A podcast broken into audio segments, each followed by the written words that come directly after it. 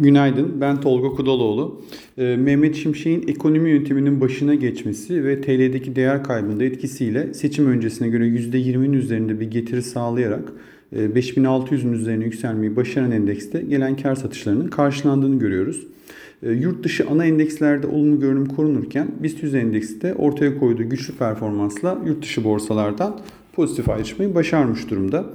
Yurt dışı piyasalarda kısa vadeli yönü 14 Haziran'da yapılacak FED toplantısındaki faiz kararı ve önümüzdeki döneme yönelik vereceği mesajlar belirleyecek. Toplantı öncesinde de global piyasalarda iyimserliğin devam ettiğini söyleyebiliriz. Bugün yurt dışında önemli bir veri bulunmazken içeride ise Nisan ayı sanayi üretim verisi takip edilecek.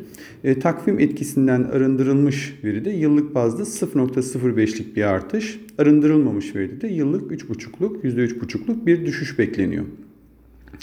Endekste haftanın ilk 3 günde gerçekleşen %9'a yakın primin ardından gelen realizasyonlarla 5500 desteğinin altına inerek grafikte bıraktığı boşluğu büyük ölçüde kapattığını görüyoruz. Kapanışın ise 5500 desteğinin üzerinde olması güçlü görünümün korunması açısından pozitif.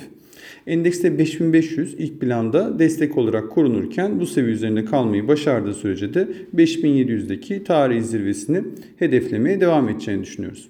Endekste gerilemeler bu aşamada düzeltme olarak görünüyor. Yükselişin sağlıklı bir şekilde devam edebilmesi açısından da olumlu buluyoruz. Dolar TL ise çarşamba günü gerçekleştirdiği %8'e yakın yükselişin ardından dün nispeten sakin bir gün geçirdi. Bu sabah ise TL'deki değer kaybı eğiliminin devam ettiğini görüyoruz. %1,5'a yakın değer kaybeden TL için özellikle 2 hafta sonra yapılacak PPK toplantısında alınacak kararlar oldukça kritik. Toplantıda faiz artırımı bekleyen piyasalar için olası bir artırımın büyüklüğü ve Merkez Bankası'nın önümüzdeki dönemde fiyat istikrarını sağlayabilmek için alabileceği önlemlere yönelik vereceği mesajlar dolar TL'nin hangi seviyede denge bulacağını da belirleyecek. Bir sonraki podcast'te görüşmek üzere.